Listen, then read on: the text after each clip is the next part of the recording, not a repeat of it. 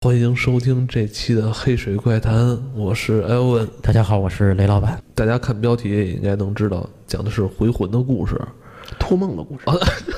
讲的是托梦的故事。讲的是托梦的故事。这个托梦的故事跟咱们之前录那个还有点关系，是不是？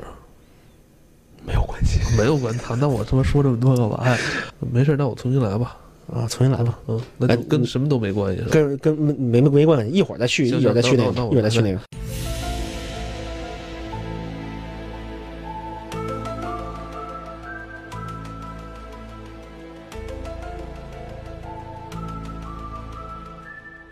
Hello，大家好，欢迎收听这期的《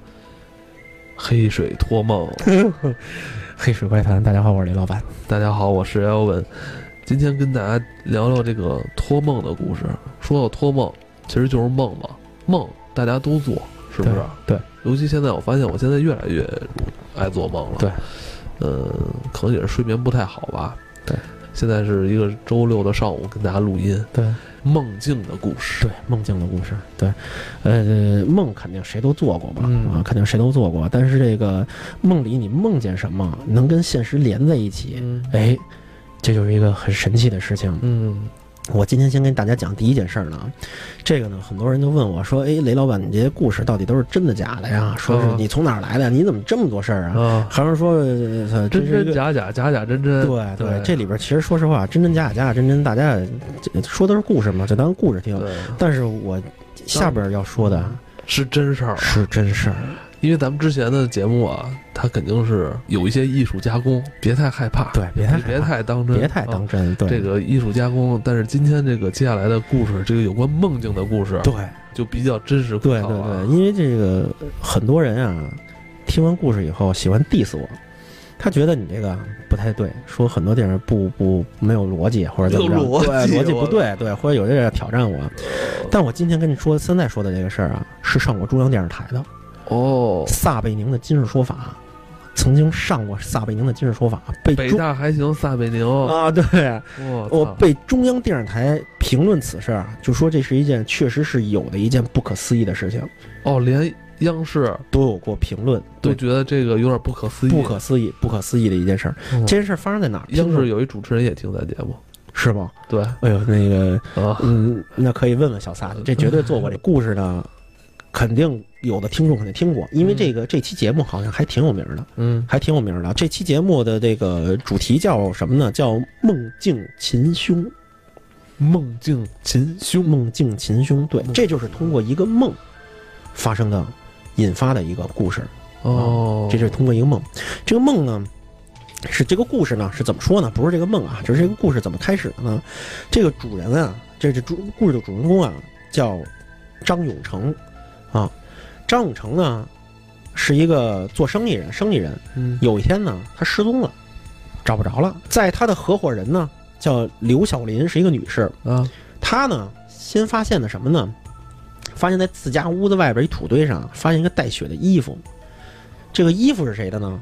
就是这张永成的，因为他们俩是工作上的，就是就是合作伙合伴作伙伴，哎，对，哦生意上的合作伙伴。他发现了一件，哎，这不是张永成的衣服，怎么带着血呢？啊，就去找张永成，发现这人消失不见了，找不着了，联系不上了，联系不上了，而且怎么着找不着，嗯那怎么办？报警嘛，报警。哎要说到老陆的黑水对对档对，案，啊档案了要。根据我们之前录过几期档案啊，这套路就是得给他的家人打电话，对，你给家人打呃电话。受害 人，呃那个凶手有可能是他的配偶。哎，对，对了，但是不是特别，不是特不是不是特别对。怎么着呢？那就首先要联系张永成的家人，嗯联系他的姐姐，嗯叫张燕的一个女士。嗯这位女士呢，我我记得是在辽宁，她是辽宁人，但是出事儿的地方在吉林。嗯然后呢，张燕呢，这位女士呢，就从辽宁千里迢迢的赶到了吉林啊嗯，赶到了这个事发的这个地方，然后呢，发现，然然后就是呃，用那个他弟弟这个家里钥匙啊，就把他弟弟家给打开了，发现他弟弟确实不在家，结婚了吗？呃，没结婚，没结婚，没结单身婚哦。对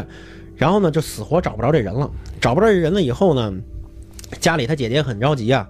然后呢，就在有一天晚上的时候嗯，做梦，说到咱们今天这个梦啊了。嗯梦见了他的弟弟，他的弟弟在梦里跟他姐姐说什么呢？说姐啊，我现在已经死了，我怎么死呢？我被人杀了，嗯我埋在哪儿呢？我带你去找我去。然后呢，在梦里边呢，这个张永成呢就带着他姐姐呀，走走走走走走走，来回来去走走走，走到一个地儿说姐我就在这儿呢，然后他姐突然就醒了，哎呦我操！醒了以后的第二天。他姐就去找到警察了，嗯就跟就公安局说，当地公安局的人说，说我做梦梦见了，说怎么着怎么着，我弟弟怎么着都带着我在哪儿哪儿哪儿哪儿，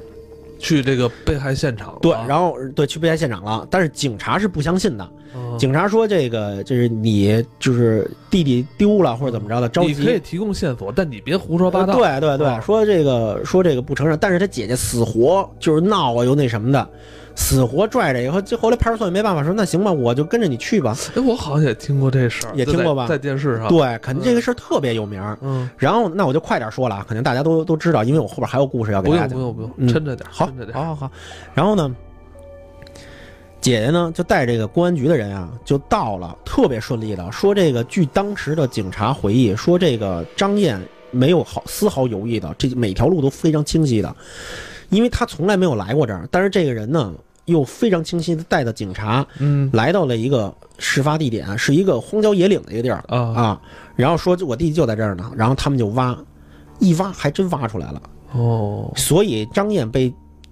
被当成第一个嫌疑人， 对，没错，对这是我想说当的。当然第一个对嫌疑人那，警因察一因为看警察说了，对你怎么这么清楚这儿呢？你第一没来过这儿嗯，是吧？第一没来过这儿，怎么知道他就埋在这儿呢？所以他对姐姐被当成了第一个嫌疑人，当场给扣了。没没当场没扣当没场没扣。扣后来警察去回去调查哦他姐姐，调查以后发现他姐姐确实是当时就是这个有有不在场证明，不在场证明，推断这死亡时间时间的话有不在场证明。哦，然后呢，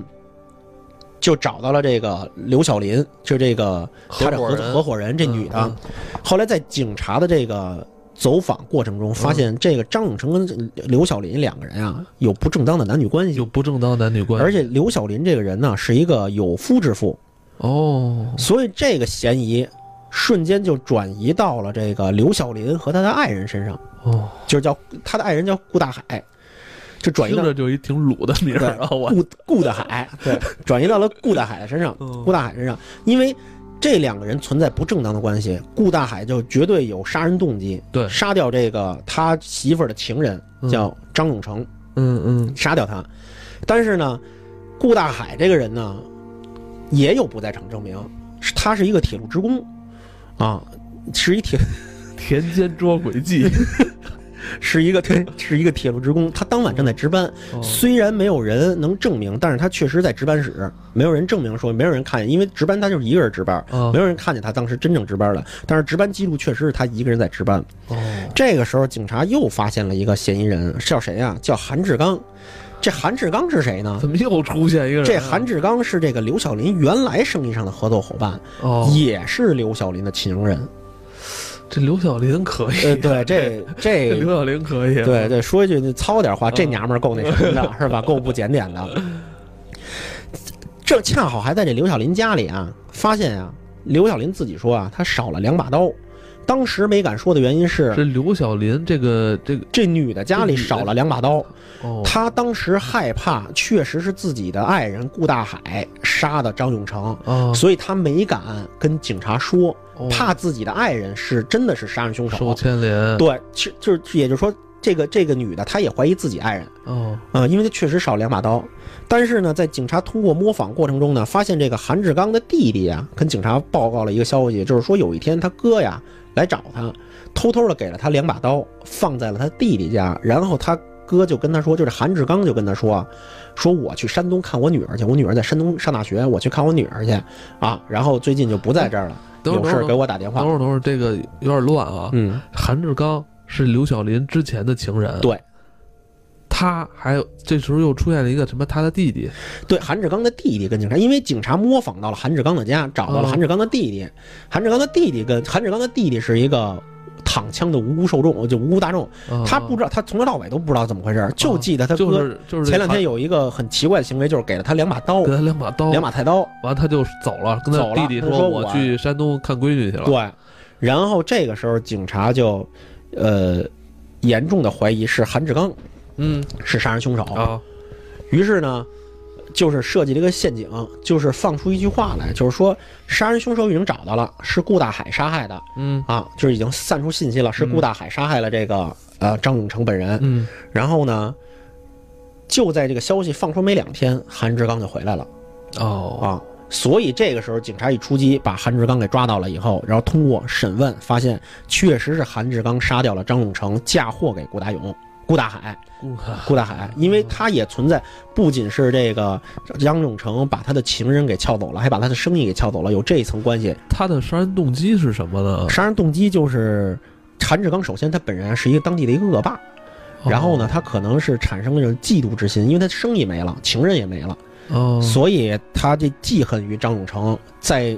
刘小林的家门口把他杀了，杀了是在他想嫁祸这个大海。不是在杀害的过程中，他的衣服啊，就是被害人的衣服被扯掉了，掉落在附近啊。嗯韩韩志刚一早就想杀这个人了，事先就挖好了一个坑，就逮着他把他弄死呢。然后又用了那种工具，就是那个小推车，把他的尸体搁在小推车上，一直推到就是就埋埋尸的地点给埋了。嗯，然后但是不小心的就流落到了一件衣服哦掉在那个嗯就是刘小林家附近门口的一个草垛上哦，啊，所以这件事儿被曝光了。但是呢，哦这个明这件事儿显这智商也不太高。 对，这但是这整件事儿最神奇的地方就是这个被害人给他姐姐托梦，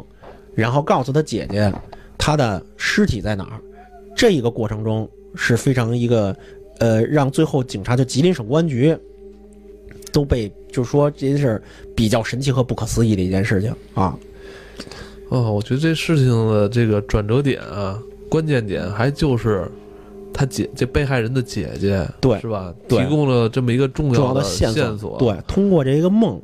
哦，啊、告知的线索，而且这个确实是得得到求证，就是他姐姐，呃，确实不在这个当地，也没来过当地啊，附近的这个人啊都没有见过这个他姐姐本人，但是没想到他姐姐确实知道这个被害人的这个埋尸地点，嗯，这就是我今天要讲的第一个梦的故事，托梦这个事儿，咱不说有没有央视报道吧，对但至少是，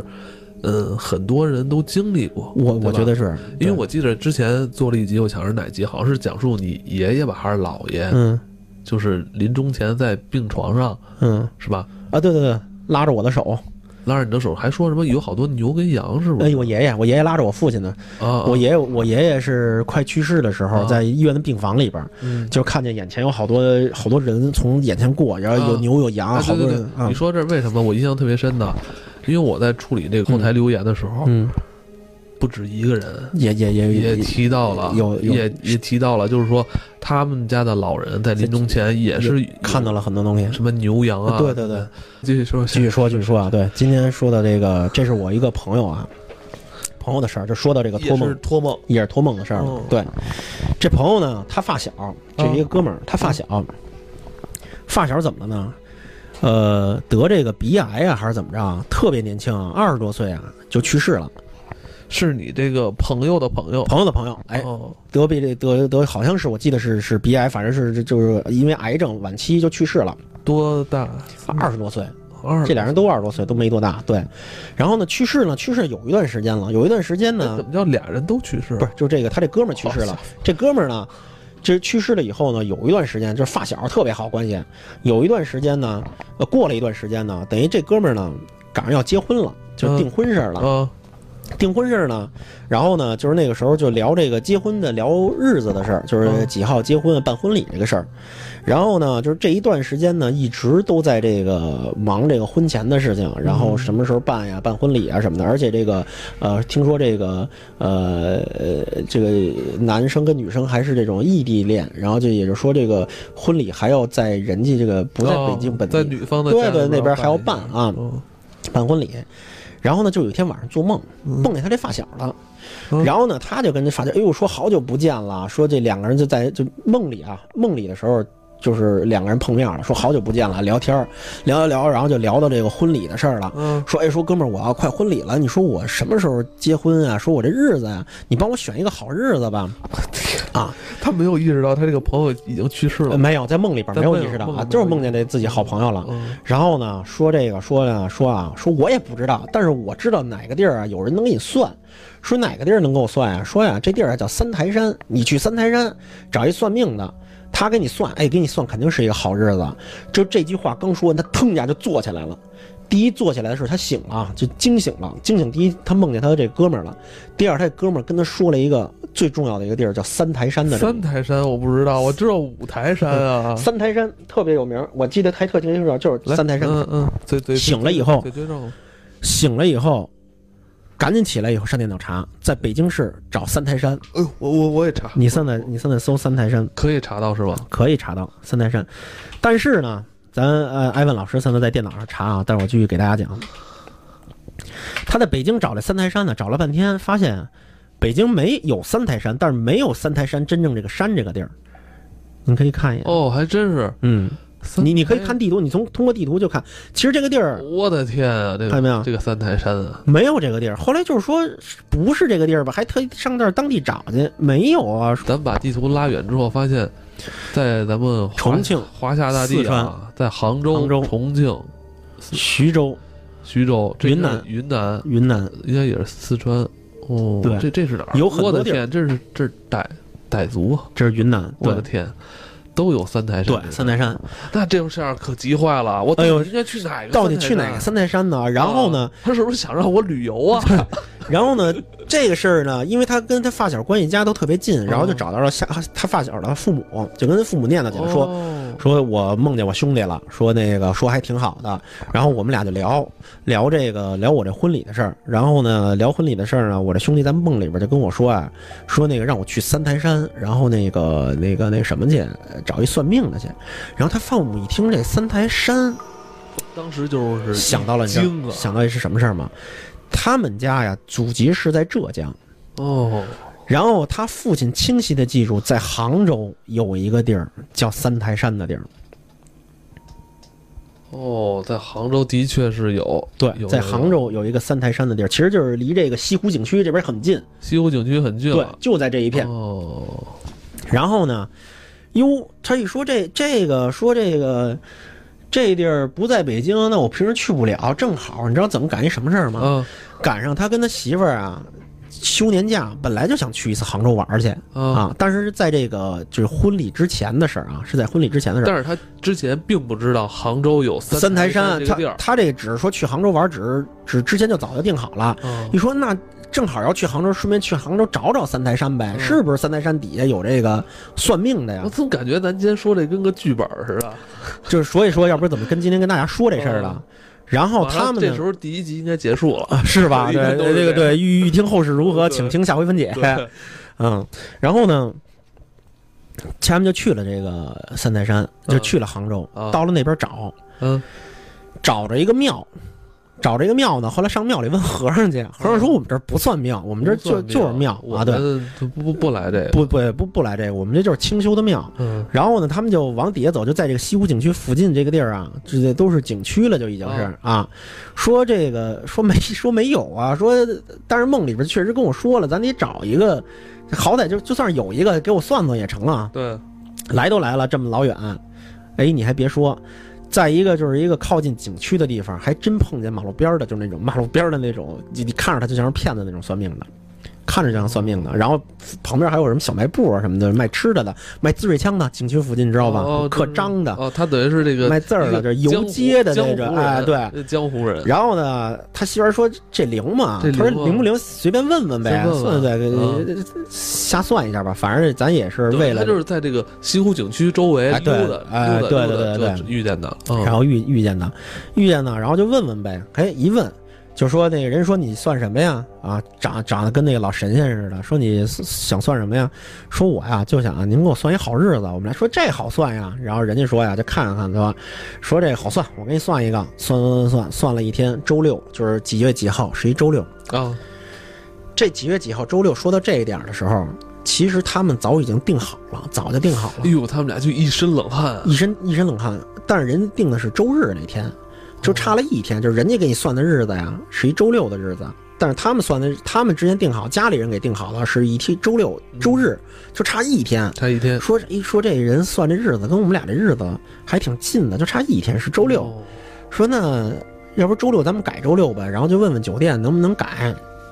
毕竟是这个人家这个师傅给咱算出来的，后来给了点钱，然后呢，他们呢就回去问酒店去，就是问他媳妇儿家当地的那个酒店能不能改。然后因为当地跟北京不一样，就是嗯没那么多结婚的，啊，就是人也不是特别多。人说周周六也没有预定出去，正好也是空的，嗯可以改周六，可以因为改因可以为改这无所谓嘛，周对六对周日对调一下，对这是无所谓的，改就改到了周六那天。嗯，然后呢，这什么事儿都没有了，平安无事，平安无事，哎，然后就回到北京了，回北然京后就了筹备婚礼，然后在北京的这些婚礼啊，然后当地啊办事儿啊什么的。周六当天呢，喜气洋洋的，这婚礼呢也算是结束了，什么事儿都没有了。嗯，你是说在北京的婚礼结束哎，，就是就是在当地的，就是在他媳妇儿他们家那个，在在哪城市啊？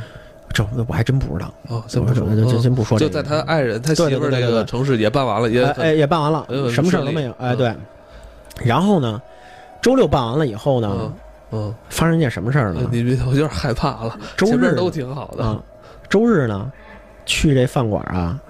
取开发票。啊，取发票，然后呢，有一套礼服落在了这个啊这个包间里呃边，不就是不要了，不要了，新娘房里，不要了，不要了，了，不要，不要，听着，我这礼服出现我就有点害怕 了。哎没事儿没事儿没事不儿，不不要不要了。然后呢出门出门走了就 开车就回酒店哦，真取出来了。去去拿发票开发票，然后顺便把礼服给拿回来。哟，别拿，多他妈不舒服啊！你听着啊一身礼服跟那儿到挂着了还没到酒店的时候，啊，就听见消防车的事儿了。哎呦，等到了酒店，看见酒店苍天大火呀，哎呦，后厨着，火了，我那的天烟也巨大，说是煤气炸了。我天，说是煤煤气就是煤气泄漏了，后厨着了，哎呦那火巨大，消防员正灭火呢。你是说周日这天是吗？周，日这天，哎呦，也就是说，当时如果说他没有改的话，他们周日这天结婚的话，就会赶上着大火。你明白了吗？就是说，这人还真给他算了，就提前这么一天，就避免了一次火灾。后来他们后来还又重新回到西湖去找这大仙儿去了，这已经找不着了，找不着了，还真找不着。去的当天是没有碰见，被被那城管是不是可被能警给察收拘了，？ 收了，可能给可能给不良小商贩给收了。哦但是去的那天确实就没有，再也没就没找到这个人。嗯我操，我觉得这事儿还是去不不好说啊，对，不好说，反正是不好说。对，还真是就是一个比较神奇的，也是一个托梦，告诉他兄弟去三台山。我这，哎呦，我这个年底打算也是去南方玩一趟，但是我不是去杭州，那你注意一下最近的梦吧，天其实都做梦，昨天每晚天都做对，梦昨天晚上做梦梦见吃鸡来了，反正 就吃鸡。还呃我能跟大家预告一下吗？我呃月底哦，咱下期下期咱把这个扣儿来得及吗？怕播的时候我已经都从那边回来了。还是预告一下，因为我不知道咱们下一期你是不是都回来了呃啊。，对对对，因为我可能这月一月底吧，我不知道艾文老师放这期节目的时候是几月几号，但是我一月二十九号到一月到二月二号嗯可能会出现在、呃成都跟重庆。对，哦，听说这这重重庆跟这个成都也是这个呃近几年来这个鬼故事盛行的地方，比是如说吗重庆红衣男孩儿，哦还有成都的僵尸事件发生地。对，呃，可能去那边儿年底旅游一下，看看有没有这个。有消息的朋友们，对，有没有咱们黑水怪谈的听友？嗯对对是吧听友可以在那边听友有没有素材？是吧？对对对，有利没有用消这息？次机会，对对，跟小雷一块儿，对对对，见见我，好嘞看看我是不是一个有故事的人。嗯，梦境，梦境，梦境，梦对境，对对，幸亏这是早上，对，离做梦还远着呢。，好吧，好吧。OK，今天就聊到这嗯就在里，这儿，祝大家好梦。好梦，好梦。